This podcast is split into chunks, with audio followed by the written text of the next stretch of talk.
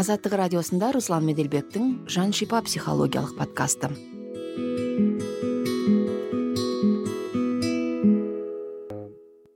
Армысыздар бұл азаттықтың жан шипа психологиялық подкасты. Сіздермен бірге подкасттың авторы әрі жүргізушісі руслан меделбек. Осыған дейінгі эпизодтарымызда психолог мамандар көп мәселенің шешімі ол психолог пен терапияда бұл мәселені шешу үшін психологқа бару керек дегенді көп айтқан еді. Сондықтан бұл эпизодта біз психологты емес психологқа барып жүрген клиент шақырып отырмыз. Ә, эпизод қонағы арайлым нұрланқызы. Арайлым менің әріптесім журналист және екеуміз қазақ ұлттық университетінің журналистика факультетінде бірге оқығанбыз. Арайлымда менде психологқа ұзақ уақыт бардық. Мен өзім әлі барамын. Айына бір рет екі рет барып тұрамын. Бұл эпизодта арайлым екеуміз жаңағы психологқа қалай бардық не түрткі болды психология өмірімізге қалай әсер етті міне осы туралы әңгіме өрбітеміз. Арайлым подкастқа қош келдің. Сәлем руслан қалыңыз қалай? Өте қуаныштымын. Сонымен алғашқы сұрақ арайлым психологқа баруыңа не түрткі болды және қалай шешім қабылдадың? Бәріне кінәлі декреттегі демалыс десем ә, психологқа баруға ең алғаш рет ә, декреттік демалыста отырған кезімде баламның уже қылығы шығып тоғыз айлық он айлық кезінде ма баруға шешім қабылдаған едім. Оған бірінші себеп ә, біріншіден декреттік демалыс барлығы білетіндей көп нәрседен оқшауланасың көп адамнан оқшауланасың. Ә, және бірінен кейін бірі бірі қайталана беретін жұмыс өмір үй баланың жаялығы деген сияқты. И определенный бір уақыттардан кейін мен уже баламның жылағанын көтере алмайтын болдым. Ә, бірінші себеп осы. Екінші себеп ә, бір күні менде мынандай оқиға болды. Балам енді ол бөпе ғой тоғыз айлық он айлық кезі уже қатты жылай берді и мен шыдай алмай ғана көтеннен салып қалдым. Уже қол көтере бастадым деген сөз ғой кішкентай балаға. Ә, түсініп тұрмын дұрыс емес екенін бірақ ашуымды да игере алмай тұрмын. И сол кезде маған сигнал болды маған көмек керек деген нәрсе ойыма сап етті. Ә, және сол заматта мен ә, түрік сериалын көріп жүрген едім.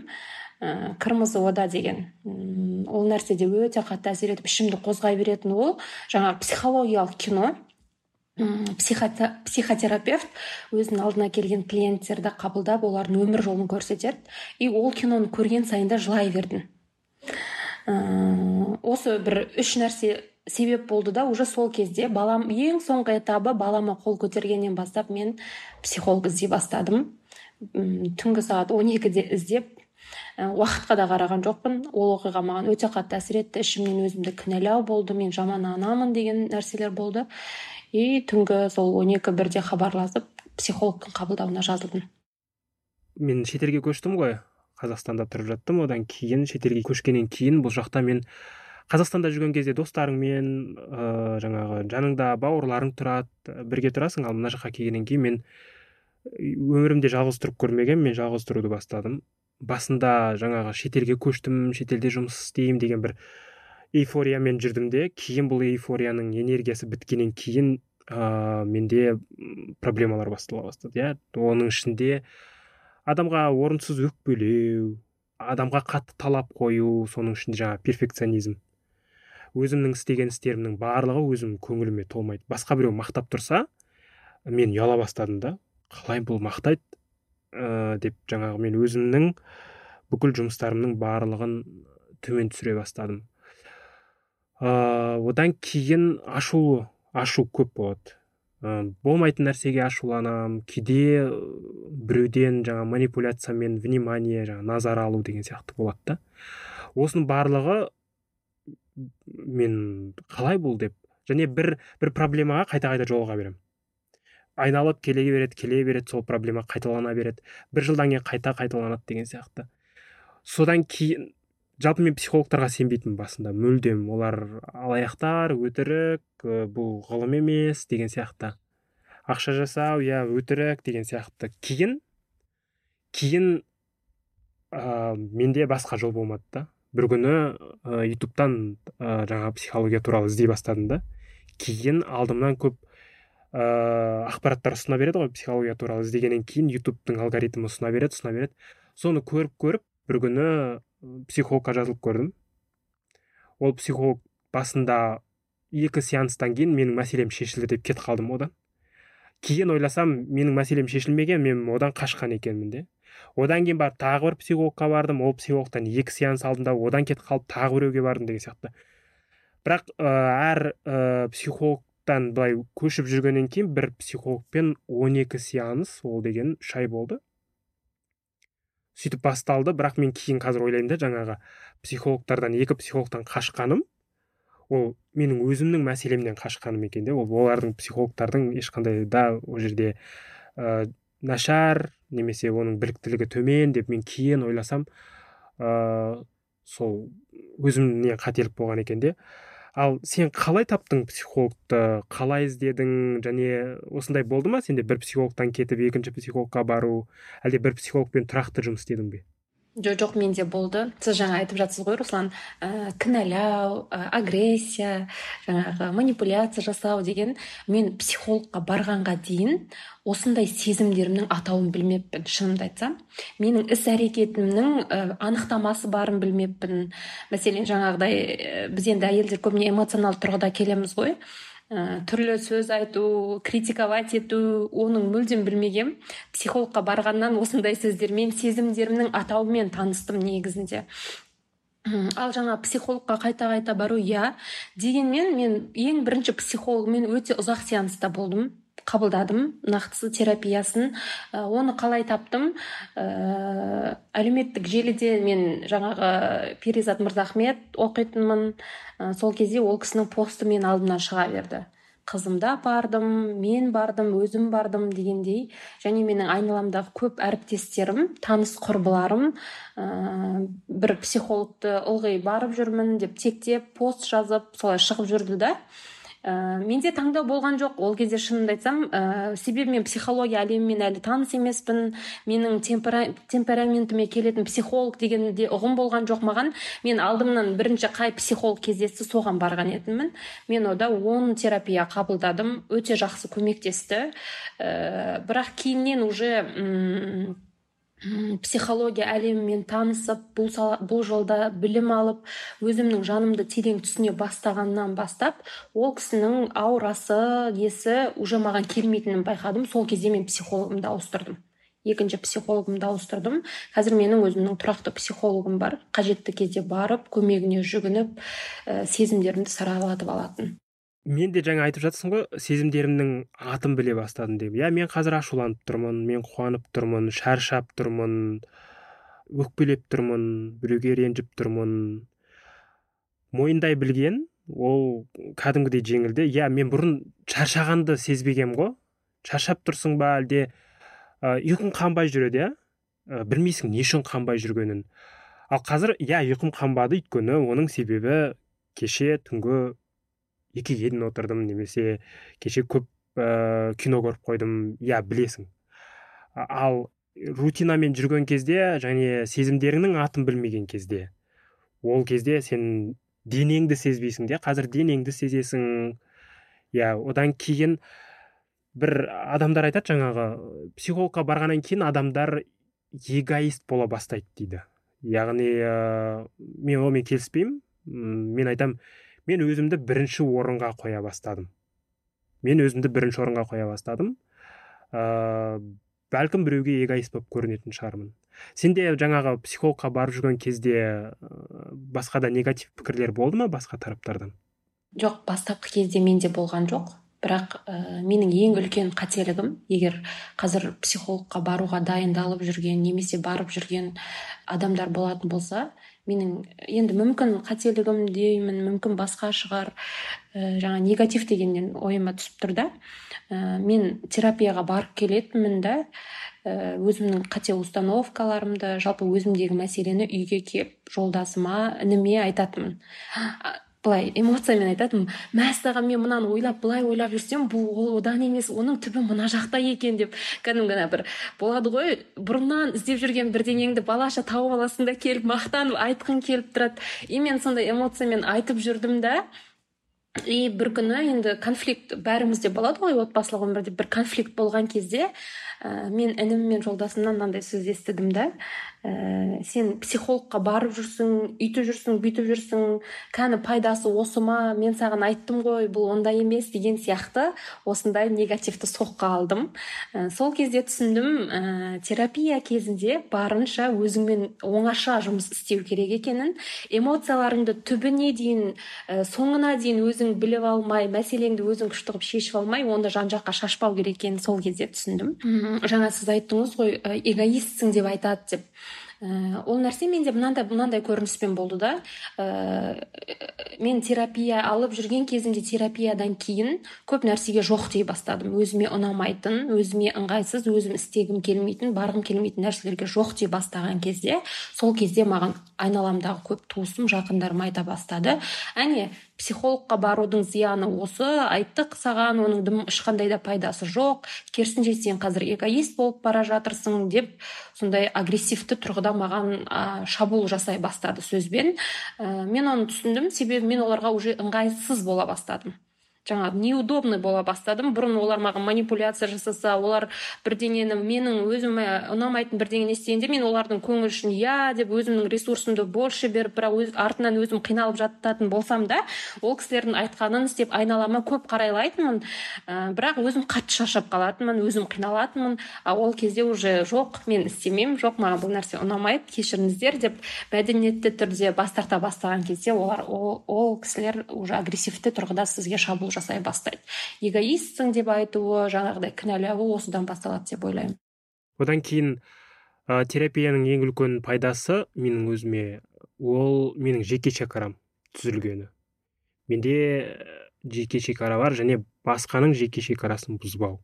Ол адамның жеке шекарасы бар ма жоқ па ә, оны білмедім. Бірақ менің өзімнің жеке шекарам болған кезде мен өзгенікіне кірмеймін және өзімдікіне көп адамды кіргізе бермеймін иә. Ол кезде ә, сол кезде түсіне бастайсың жаңағы.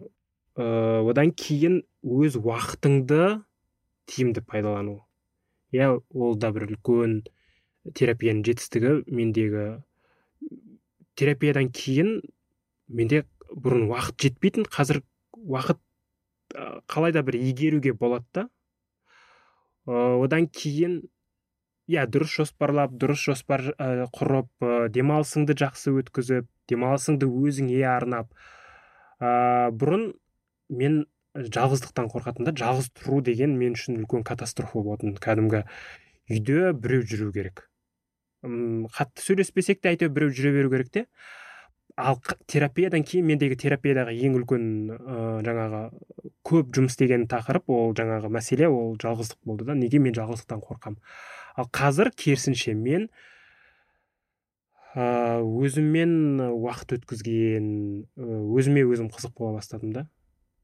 Осы жағынан бір үлкен қатты қуанамын да. Өйткені мен ойлайтынмын осы мен жалғыздықтан ыыы құтыла алмайтын шығармын қорқатын шығармын деген. Қазір ешқандай да бір ыыы қорқыныш жоқ та. Осы тұста мынандай сұрақ туындап тұр да. Ішкі жан дүниеңе қалай көмектесті терапия? Ыыы біздің тыңдармандарға егер жаңағы психологқа барғысы келіп жүрген немесе барайын деп жүрген ә, немесе барып керек емес деп жүрген ә, тыңдармандарға айтатын бір кеңесің болсын ішкі жан дүниеңе қалай әсер етті? Менің жан дүниеме өте жақсы көмектесті. Себебі мен де бұрын жаңағыдай көп достар шумный жаңағы жер а деп жүретін жерлерге өте қатты құштар болдым. Жалғыздықтан қорқу ғой менікі де жаңағыдай. Досым көп ой міне анамен де сыйласам мынамен де ой ылғи то той то құдалық или там вечеринка деген сияқты әріптестермен немесе тынымсыз жұмыс деген сияқты. Терапиядан кейін руслан шынында да мен қазір тыныштықты өте қатты жақсы көремін. Табиғатты өте қатты жақсы көремін. Терапиядан кейін мен түсіндім маған ә, табиғаттың өте қатты ұнайтынын. Мен 26 жасыма дейін күнге қарап тамсануды бұлтқа қарап ой күшті сезімдер сезінуді талға қарап күшті демалу деген нәрсені мүлдем білмеппін шынымды айтсам. Ә, и осы терапиядан кейін қазір шынында да мен шаршаған кезде тоқтатамын барлығын. Э, бұрынғыдай жаңағы сауда орталықтарына жиі бару шоппингпен жиі айналысу әр нәрсе сатып алу деген сияқты нәрсемен өзімді шаршатпаймын. Бұрын мен оны ойлайтынмын одан ресурс аламын деп жоқ ә, терапияда анықтадым. Менің ә, ресурс алатын ә, жаңағы точкам дейді ғой ол табиғат екен. Табиғатта демалу жалғыз жиі қалу өзіммен өзім болу ә, ал бұрын мен оны мүлдем түсінбеген екенмін. Сондықтан да ә, дегенмен бірақ жиырма алты жасыма дейін маған ол жақта комфортно болды ғой. Бірақ өте қатты шаршадым. Өзіме не керек екенін білген жоқпын. Ә, ол нәрсе ұнай ма ұнамай ма ұнамаса да айналысу ұнамаса да бару көңіліне қарау деген сияқты. Бірақ ең соңында зорығу деген сияқты. Сол нәрсе болды. Сосын руслан мен мына нәрсені айтқым келіп тұр да. Депрессия жалпы психологияны іздеу неге маған декреттік демалыста келді? Ә, мен көп байқаймын ол менің өзімде де болды. Бізде көбіне біз қыздар ана болуға ә, физиологиялық тұрғыда медициналық тұрғыда өте жақсы дайындаламыз. Ә, ал моральдық тұрғыда психикамыз дайындығын мүлдем қамтамасыз етпейді екенбіз ойланбайды екенбіз. Мен мысалы ана болуға өте жақсы дайындалдым ұзақ уақыт дайындалдым. М әрине жаңағыдай денсаулығыма қарадым ә, дәрігерлердің көмегіне жүгіндім деген сияқты.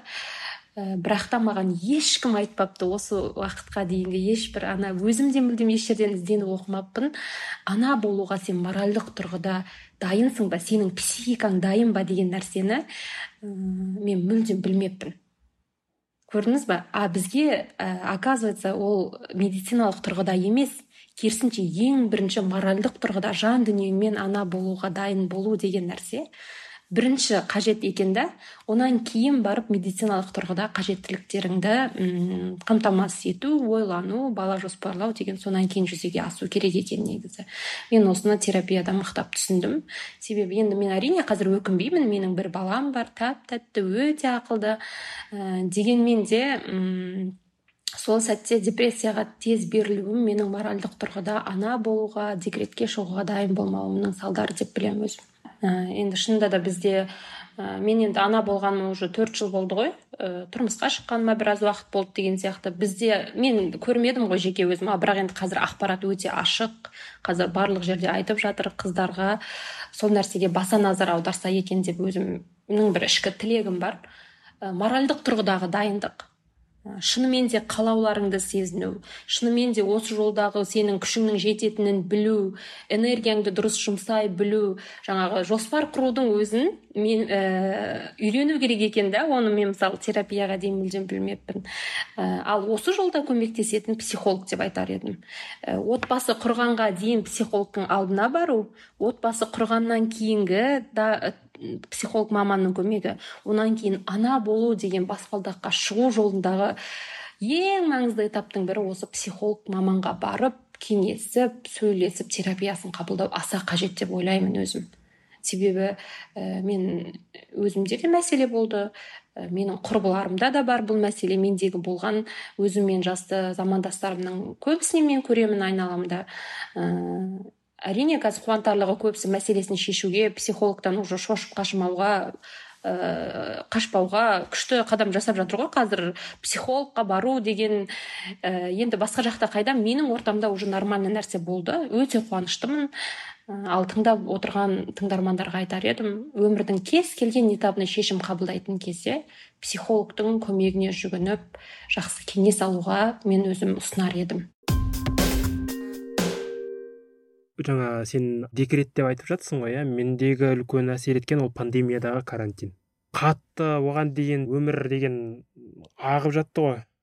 Ешқандай шектеу жоқ бар жаққа бара бересің анандай шектеуді көрмеген басындағы бір ай карантин таңсық болды да қызық болды. Ә, офиске бармайсың үйден жұмыс істейсің қызық. Одан кейін карантин созыла берді созыла берді адам бірдеңемен айналысу керек болды. Сол кезде де жаңағы проблемаларың шыға бастады да? Мен көп адамды бақылауда ұстаппын бақылауда ұстауға тырысыппын өзіме өзімді ғана барлық жаңағы мәселені шеше алатын адам ретінде басқалар шеше алмайды. Басқалар да бала көргенмін ғой яғни. Осының барлығын терапевтке барған кезде психотерапевтке барған кезде басында запрос өте көп болатын. Қайсысын қайсысын талқыларыңды білмейсің де өйткені көп те. Ә, кейін мен екі жылдай жаңағы үзіліссіз апта сайын барып жүрдім ғой. Апта сайын барып жүрдім. Басында ә, кейде жаңағы психолог ауырып қалады немесе бір жағдай болып басқа күнге ауыстырған кезде мен көңілім түсіп кететін де. Ай деп өйткені қатты күтіп жүрдім де. Кейін аптасына екі рет барам ба дегенде бір нелер болды. Өзімді тоқтаттым. Мен кейде қорықтым. Мынау жаңағы психологқа тәуелділік тәуелділік болып кетпей ма деп. Бірақ кейін азая бастады да. Өзім түсіне бастадым кейбіреуін психологсыз шешетін болдым. Қазір айына бір рет барам оның өзінде де жаңағы бұрынғыдай мен көп сөйлей беретін де мен тоқтатып тастайтын тоқта сен бір мәселені айттың екінші мәселеге көшіп бара жатсың бірақ бір мынаны бірінші бүгін мынаны істеп алайық деп. А қазір ондай запрос жоқ. Жай барып психологпен әңгімелесіп ә, кеңес алып ішіңдегіні шығарып сондай бір ә, профилактика үшін барып тұрамын да. Одан кейін маған психолог жұмыстағы қарым қатынасыма өте жақсы әсер етті. Әріптестеріммен немесе жалпы жұмыстағы дамуыма кезекті бір этапқа шығуыма қатты әсер етті де а, әріптестермен жаңағы жұмыстағы қарым қатынасқа саған қалай әсер етті? Жаңағы айтып жатырсыз ғой пандемия деп. Шынымен де сол кездегі менің де былай есептеп тұрсаңыз декретке шығуым ә, жаңағы коронавирустың келуі барлығы бір біріне өте қатты сай келіп тұр. Себебі соның барлығы біз оқшауланған кезінде менің балам бес айлық болатын. Ол да қатты әсер еткен болып тұр ғой ішімді қозғауға. Менің терапияға баруым ә, қызметтік жолыма әріптестермен ара қатынасыма өте жақсы әсер етті. Неге десеңіз ә, мен терапияда өзімнің мына бір нәрсемді анықтадым да. Мен өзім жақсы көрмейтін шын қаламайтын жұмысыммен айналысып жүр екенмін. Ол қалай деп таң қалуы мүмкін? Ол солай екен. Ә, шынымен де өзің әңгімелесіп өзіңе сұрақты дұрыс қойып сұрақтарға жауап берген кезінде сен айта бересің айта бересің. Мен 26 жасыма дейін папамның ә, жаңағы арман тілегін арқалап журналист журналистика саласы. Соның ішінде тележурналист болу деген арманды жаңағы папамның несін жүзеге асырып жүріппін да. Себебі менің папам маған кішкентайымнан менің қызым ой күшті тележурналист болады менің қызым ертең телевизордан көрініп сөйлеп тұрады ол телевизордан түспейтін болады деген сияқты. Ә, мен осы жоқ бұл саланы мен жақсы көремін бірақ өте қатты шаршайтынмын. Жаңағы болады ғой біреу зорлап істетіп жатқан сияқты. Маған мәтін жазу ә, енді эфирден сөйлеу деген оңай бірақ дегенмен де мәтін жазу оны бір әдемілеп отырып істеу оны нету монтаждау ә, болады ғой бір өзіме ұнамайтын. Ол нәрсенің ұнамайтынын бірақ мен осы уақытқа дейін мойындамай келдім. Ал мен терапияда анықтадым. Маған более ұйымдастыру ісі жұрттармен жаңағы адамдармен сөйлесіп түрлі келісімге келу адамдарды келістіру олармен күшті бір нелер ұйымдастыру деген маған бір кайф сыйлайтын жұмыс екенін сол кезде білдім да. И декреттен шыққаннан кейін мен бұрынғы жұмысыма оралған жоқпын. Біріншіден ә, декреттік демалыстан кейін өзіме ұнайтын жолды таңдап кеттім. Жұмысымды мүлдем шаршамай кайфово істейтін болдым. Шынымды айтсам ә, бұрын болатын жұмыс істеп жүрмін ба? Ой тимеші мен мынаны үлгермей жатырмын мынау уф уф деген сияқты нәрселер менде өте көп болатын. Ол менің жеке өміріме де жанұяма да жолдасыммен ара қатынасқа да әріптестермен тату тәтті болуыма да өте қатты әсер ететін да. Себебі менің ішімде мынандай нәрсе болып тұр ғой сонда руслан. Мен істеп жатырмын ғой енді міне ә, сендер менен сұрадыңдар айттыңдар миыма құйдыңдар міне мынау ғой енді істеп жатырмын сендер енді бұдан артық менен не күтесіңдер не мешайте мне деген сияқты нәрсе болған да ә, и жаңағы көп ұрысып қалатынмын. Ә, әріптестеріммен. Сосын менде ә, тағы мына бір нәрсе есіме сап етіп түсті да қазір. Мынандай нәрсе болатын. Ой бұл деген күшті жаза алмайтын журналист қой. Ой бұл мынандай ғой. Мен так адамдарды сауатты сауатсыз деп бөлемін. Мен мынаны мойындаймын мынаны мойындамаймын деген сияқты. Қазір мысалы күліп айтып отырмын ғой бірақ менің кезімде жан дүниемде сондай нәрселер болды да. Тәкаппарлық жаңағы супер эго дейді ғой. Мысалы менсінбеушілік адамдарды сатыға бөлу деген сияқты. Ал ондай негативті нәрсенің барлығына мен қашан немді фокусымды аудара бердім? Өзіме ұнамайтын жұмысты істегенде. Ал мен қазір мысалы мен өзіме ұнайтын жұмысты істеймін. Ә, жаңағы айтып жатырмын ғой мен бес алты жерде істеймін. Бірақ мүлдем шаршамаймын. Жаңағыдай үйіме келіп раздраженная болып жүрмеймін. Керісінше а деп мә мен бітіріп қойдым ба? деген сияқты. Әріптестеріммен де өте қарым қатынасым жақсы. Ііі конфликтқа көп кірмеймін уже. Себебі мен оны да түсініп тұрамын жаңағыдай ғой сіз айтқандай сезімдерді анализдеуді білесіз уже. Сіз өзіңізге не қажет екенін білесіз. Ана адамның да жай күйін түсініп тұрасыз да оны да өзіңіздің жеке шекараңызға кірмейсіз. Бірақ та оның да жеке шекарасын таптамай тұрып оған жұмсақ жеткізуді үйрендім да. И осы нәрсе бұның барлығын қайдан үйрендім? Терапиядан үйрендім. Осы нәрсе менің қызметтік жолымда өсуіме өте қатты әсер етті. Ә, мен басында декреттен шыққаннан кейін өзіме ұнайтын іспен айналыса бастадым. Ал уже бір жылдан кейін мен оның жемісін көре бастадым. Сол өзіме ұнайтын салада мен уже өсе бастадым. Кәдімгідей этап бойынша өзім өсіп қазір ә, а сосын тағы бірдеңе айтқым келіп тұр. Э, өзіме ұнайтын іспен айналысқаннан бастап менің қазіргі ә, табатын табысым өте жақсы өзгерді. Мен бұрын тек қана жаңағы э, экранға шығатынмын сюжеттерін жасайтынмын ә, бекітілген бір ғана айлықты алып айдан айға жеткізіп ой деп жаңағы билікті де кінәлап үйдегі жолдасым неті сөйлеп қалса оны да кінәлап ә, бастық бірдеңе десе оны басқа керісінше бұрып алып о мен мимен неше түрлі нәрсе жасап алып деген сияқты реакциялар болатын да. Ал қазір ондай нәрсе мүлдем мүлдем жоқ дей алмаймын болады. Бірақ та мен оны экологично қалай орын орнына қоюды білемін да уже қазір бұрынғыдай менің өміріме өте қатты әсер етпейді. Ә, сосын қызметтегі тапқан пайдам осы терапияның арқасында. Ал жолдасыммен ә, руслан мен бұрын ә, жолдасымның не киіп не ішетініне дейін араласатынмын. Түсінесіз бе? Мына киім саған мынамен жараспай тұр. Мынау мынау мынау сені ашпай тұр. Ә, сен неге мынаны жейсің? Денсаулығыңа пайдалы емес қой. Сен мынаны же үйтпейді деген сияқты. М басқарғым келу оның өміріне жаңағыдай таптап тұрып кіріп кету деген нәрсе менде болатын. Шынымен де. Мен терапияда түсіндім что мен оның жеке шекарасын ә, құрметтемейтінімді мен оның өмірлік ұстанымдарын өзінің қалауларын мүлде құрметтемейтінімді түсіндім да. Терапиядан кейін мен жолдасыммен ара қатынасым мүлдем өзгеріп кетті. Себебі мен өзім өзгердім жаңағыдай ғой. Шынында да осы м психологтың несіне барғанға дейін мен ана жаңағыдай оқимын ғой енді. Әлемді өзгерткің келсе өзіңнен баста деген сияқты нәрселер маған бір күлкінішті көрінетін.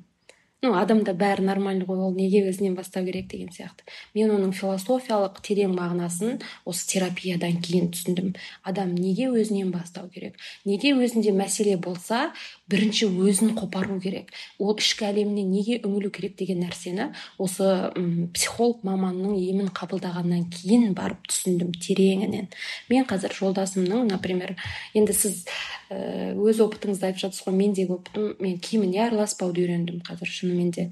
Сөйтсем мен жолдасыма менің бұрынғыдай айтып отқандар емес қазір өзінің таңдаған киімдері өте күшті жарасады екен. Мен айтамын мә білесіз ба руслан ол маған пайдалы емес. Біріншіден менің ара қатынасымды бұзып тұр жолдасыммен екіншіден мен одан шаршап тұрмын. Ал маған ол шаршаудың не керегі бар? Маған ол ресурсымды басқа жаққа жұмсауға болар еді ғой ал бірақ жоқ. Себебі менде мынандай модель бар да кішкентайымнан көріп өскем әйел ә, үйдің барлығына жауапты бытовуханың бәріне әйел жауапты.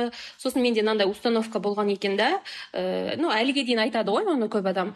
Ә, еркегінің жарқырап жүруі әйелдің әйелінің қандай екенін көрсетеді иә? сондай мағына. Қате айтуым мүмкін. Бірақ та еркектің қандай болға еркектің түріне қарап әйелінің қандай екенін анықтауға болады деген нәрсеге соны дәлелдеу үшін шырпыр болып шаршайды екенмін да оказывается. Одан не мен бақытты емеспін одан не менің жолдасым бақытты емес. Себебі ол менің көңілімді қимай жаңағы киімді киеді ол өзіне ұнамайды. А мен ананы деп мен жүремін раздраженная и қарап тұрсаңыз бір ғана қате установканың арқасында екі адамның өмірі құрып жатыр да. И осы нәрсеге мен уақытында анықтап стоп дей алғаныма өте қуаныштымын. Және қазір шаршап жүрген мүмкін әйелдер бар шығар қыздар бар шығар. Бұндай нәрсеге өзіңіз қаламаған нәрсеге шаршайтын нәрсеңізге стоп деп қоюға әрдайым болады. Және оған психолог көмектесе алады деп айтқым келеді. Одан кейін психологқа барған кезде ең көп қозғалатын тақырып ол ата ана иә ата анамен қарым қатынас бала кездегі ата ананың ұрысқан сәттері немесе балаға жасаған қарым қатынастары ә, жаңағы мен ұзақ уақыт терапияда көбіне ата анаммен жұмыс істедім де. Өйткені маған психолог анам болып береді кейде әкем болып береді ә, немесе апам болып береді әпкем болып береді деген сияқты. Айтамын да болды бүгіннен бастап мен ә, келесі терапияда ата анаммен ата анамды мүлдем айтпаймын деп бірақ бәрібір қайтып келесің де. Ә, кейде оқып қалдым да. Ә, психологқа бару ақылы түрде басқа бір адамға барып ата анаңды жамандау. Сенде қалай болды ата анамен жұмыс? Ә, қалай істедіңдер ата анаңмен жаңағы ә, психологпен? Қалай болды? Негізі шынымен де әрбір баланың тағдыры туған өскен үйінде жазылады. Мен соған келісемін. Және оны кім жазады деп сұрайтын болса мен айтар едім ата ана және бауырлары деп. Өскен үйінде кім бар? Дам, ә, жаңағы ата әже болса да ата ана болса да. Иә менде де дәл сондай болды. Ә, мен терапия бойы тек өскен үйімдегі нәрселерді ата анаммен байланысты нәрселерге өте көп ә, тоқталдық өте көп уақытым да кетті. Ә, бұл жерде енді бір ата ана жаман деген де емес қой ә, дегенмен де біз енді бізді өсірген ата аналарда қазіргідей біздегі бар білім кішкене мүмкін жеткіліксіз болған шығар. Именно психологияға адамның моральдық өміріне әсері жайлы мүмкін жеткіліксіз болды ғой. Даже ата анам туралы не айтуды да не қалай жұмсақ жеткізуді ойланып отырмын. Бірақ та мен мына нәрсені қатты айтқым келеді да. Ә, жаңа өскен үй ата ана деп жатырмыз ғой. Ә, мен осы уақытқа дейін маған өте көп жақсы қызметтік ұсыныстар келді. Мәселен ә, мен бір мақтанайын деп айтып, айтқым келіп тұрған жоқ. Мен бұның түбін жеткізгім келіп отыр да. Ә, мен сол кезде үйімде болған бір картина бойынша сол ұсыныстардан өзімді всегда лайықты көрмейтінмін. Менде ол түсінікті болу үшін былай айтып көрейінші. Мүмкін бір ата аналарға бұл пайдалы болар. Мүмкін осыны тыңдап отырған ә, жаңағы тыңдармандарға бір қандай да бір әсері болар. Болашақта олай қолданбау керек деген секілді. Мен кішкентай кезімде ұрлық жасадым. Ол ұрлық жасаған үшін мен өте қатты жазаландым. Ә, және сол жазаланған кездегі қалған сезімдермен мен өмір бойы 26 жасыма дейін сол сезімдермен өмір сүрдім. Ә, демек ол қандай сезімдер? Өзімді жақсы нәрсеге лайықты көрмеу ә, өзімді жақсы қызметке лайықты көрмеу ә, жақсы заттарға лайықты көрмеу ә, өзіме деген сенімсіздіктің ә, сенімділіктің өте төмен болуы жаңағы өзімді әлемдегі ең нашар ең жаман ең қажетсіз бала сезінуіме сол бір ғана оқиға түсінесіз бе? бір ғана оқиға менің бүкіл өмірімдегі сезім өмір сүру уақытындағы сезімдерімді басқарған екен.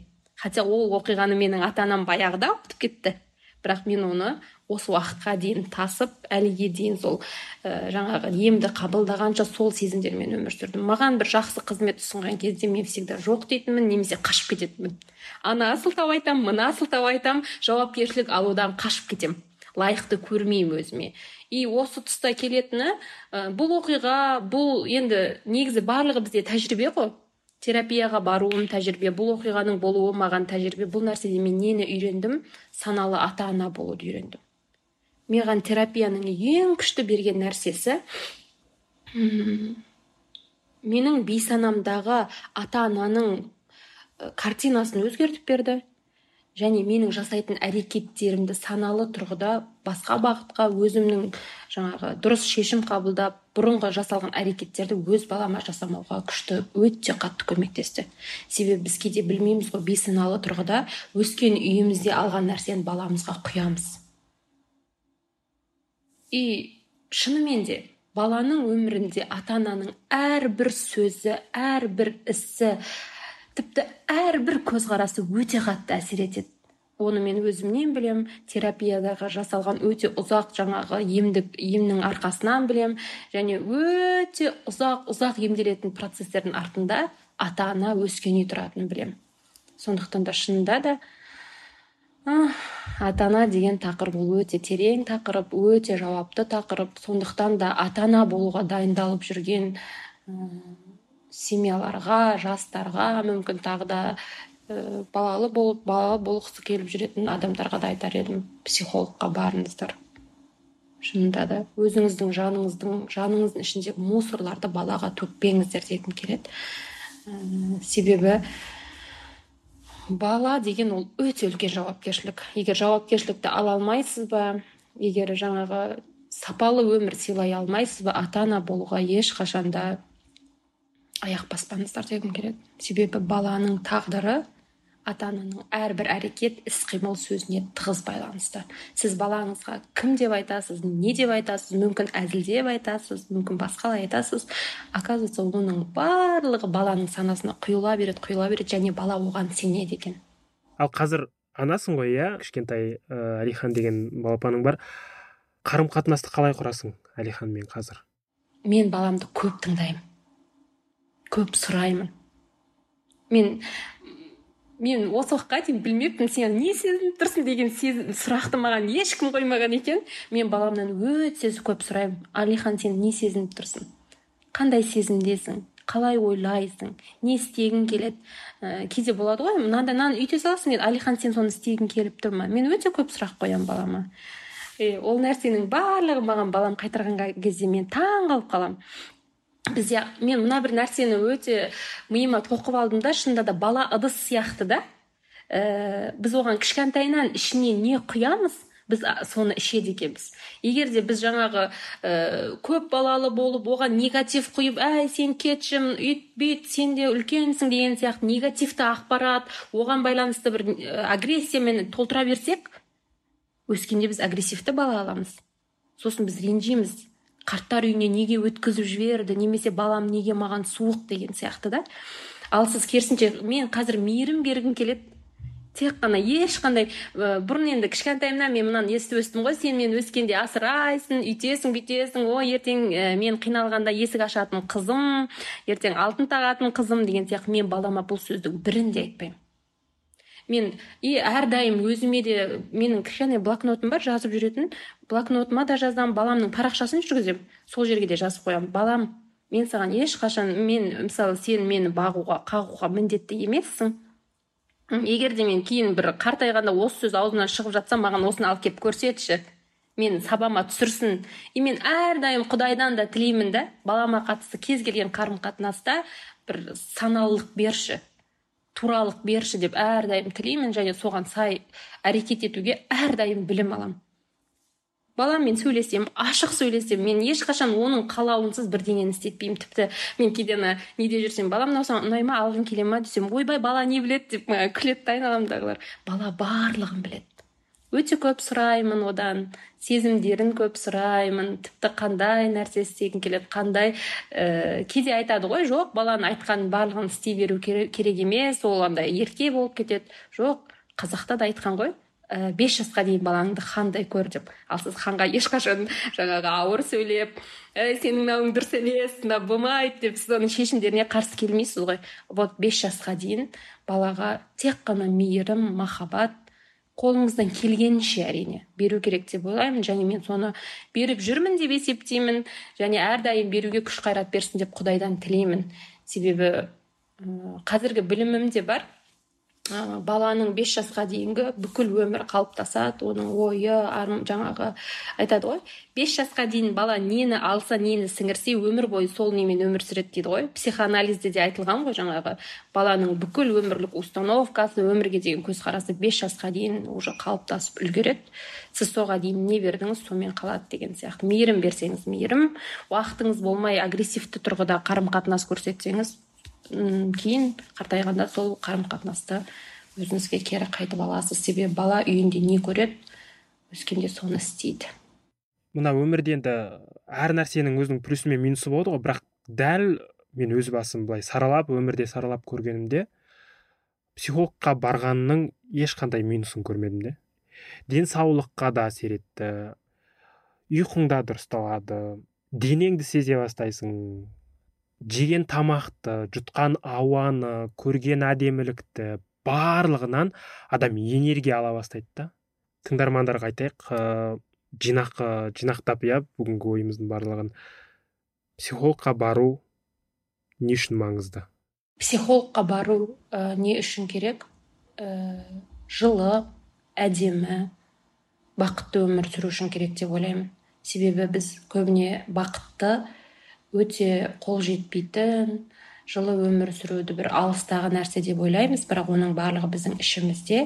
Сіз тіпті нан сары май мен нан ғана жеп отырсаңыз да сіз бақытты болуыңыз мүмкін. Ал осы сезімге жету үшін психологқа бару қажет деп ойлаймын аса маңызды деп ойлаймын. Себебі енді қазір бізде өте ақпараттық өте көп қой нәрселер. М кейде одан да шаршайсыз. Вот сол ақпаратты көп оқи бергеннен миыңыз мусор болып кетуі де мүмкін. Сол кезде тоже саралап алуға психолог өте қатты көмектеседі. Және екінші айналамен әлеммен қарым қатынасты реттеу үшін де. Себебі біз кейбір сезімдеріміздің атауын білмеуіміз мүмкін. Және ол атауды анықтап ә, ол сезімдерді анықтап оны қалай қолдануымызды үйрететін ол психолог мамандар себебі мысалы біз астың өзін жаңағыдай ғой. Аспаз мамандар әр саланың өзінің маманы бар. Сол үшін қажет деп ойлаймын. Ә, ал бұл өмірді бақытты жылы әдемі қарым қатынаста сүруден басқа артық не бар? Қарым қатынас арқылы біз барлығын аламыз. Қарым қатынас арқылы біз бай да боламыз деніміз де сау болады. Қарым қатынастың ішінде барлығы жатыр. Өзіңе деген қарым қатынас ә, денеңе деген қарым қатынас өзіңнің ішкі әлеміңе деген қарым қатынас екінші көз ә, қарама қарсы отырған адамның әлеміне деген қарым қатынас ал қарым қатынасты дұрыс құруды үйренетін болсақ біз өте жақсы өмір сүреміз деп ойлаймын. И осы қарым қатынасты реттеп алу үшін де маманның көмегіне жүгіну керек деп ойлаймын. Рахмет арайлым. Осымен жаншипаның кезекті эпизоды аяқталды. Біздің басқа да эпизодтарымызды азаттық сайтынан азаттықтың ютуб каналынан apple подкасттан google подкасттан тыңдай аласыздар. Жүректеріңіз бен жан дүниелеріңізге тыныштық тілейміз. Сау болыңыздар.